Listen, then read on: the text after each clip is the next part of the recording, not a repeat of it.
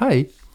Jeg heter Tor Håkon Eiken, og 1. mai lanseres podkastserien som heter Tor, håp og ærlighet.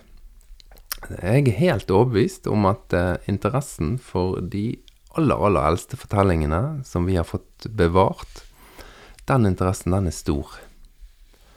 Men allikevel så tror jeg at eh, disse fortellingene de har blitt skjult og gjemt bak tradisjoner og holdninger og synspunkter om at enten så er de for gamle og uinteressante og utdaterte, eller at de er Guds ord og må tolkes bokstavelig og følges i detalj.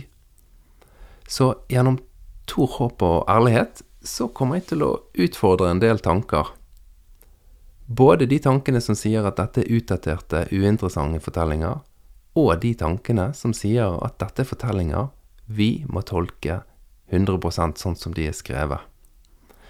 Jeg vil se på historier fra ulike vinklinger, har invitert litt gjester som har helt andre tanker og synspunkter enn det jeg har rundt både historie og religion og tro og evighet, bare for å få høre hva de tenker, og hva deres synspunkter er.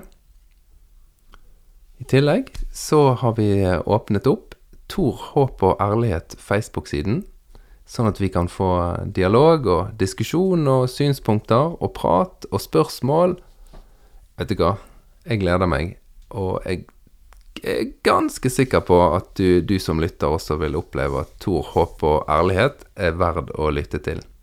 Episodene de prøver jeg å legge sånn at de blir omtrent en busstur til jobb, sånn at du ikke trenger å sette av en hel ettermiddag for å lytte, men at du skal få i gang noen tanker som kommer til å kverne og gi deg glede og frustrasjon og provokasjon, sannsynligvis.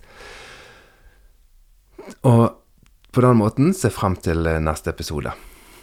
Ja, velkommen til Tor, håp og ærlighet-podkasten. Vi starter 1. mai.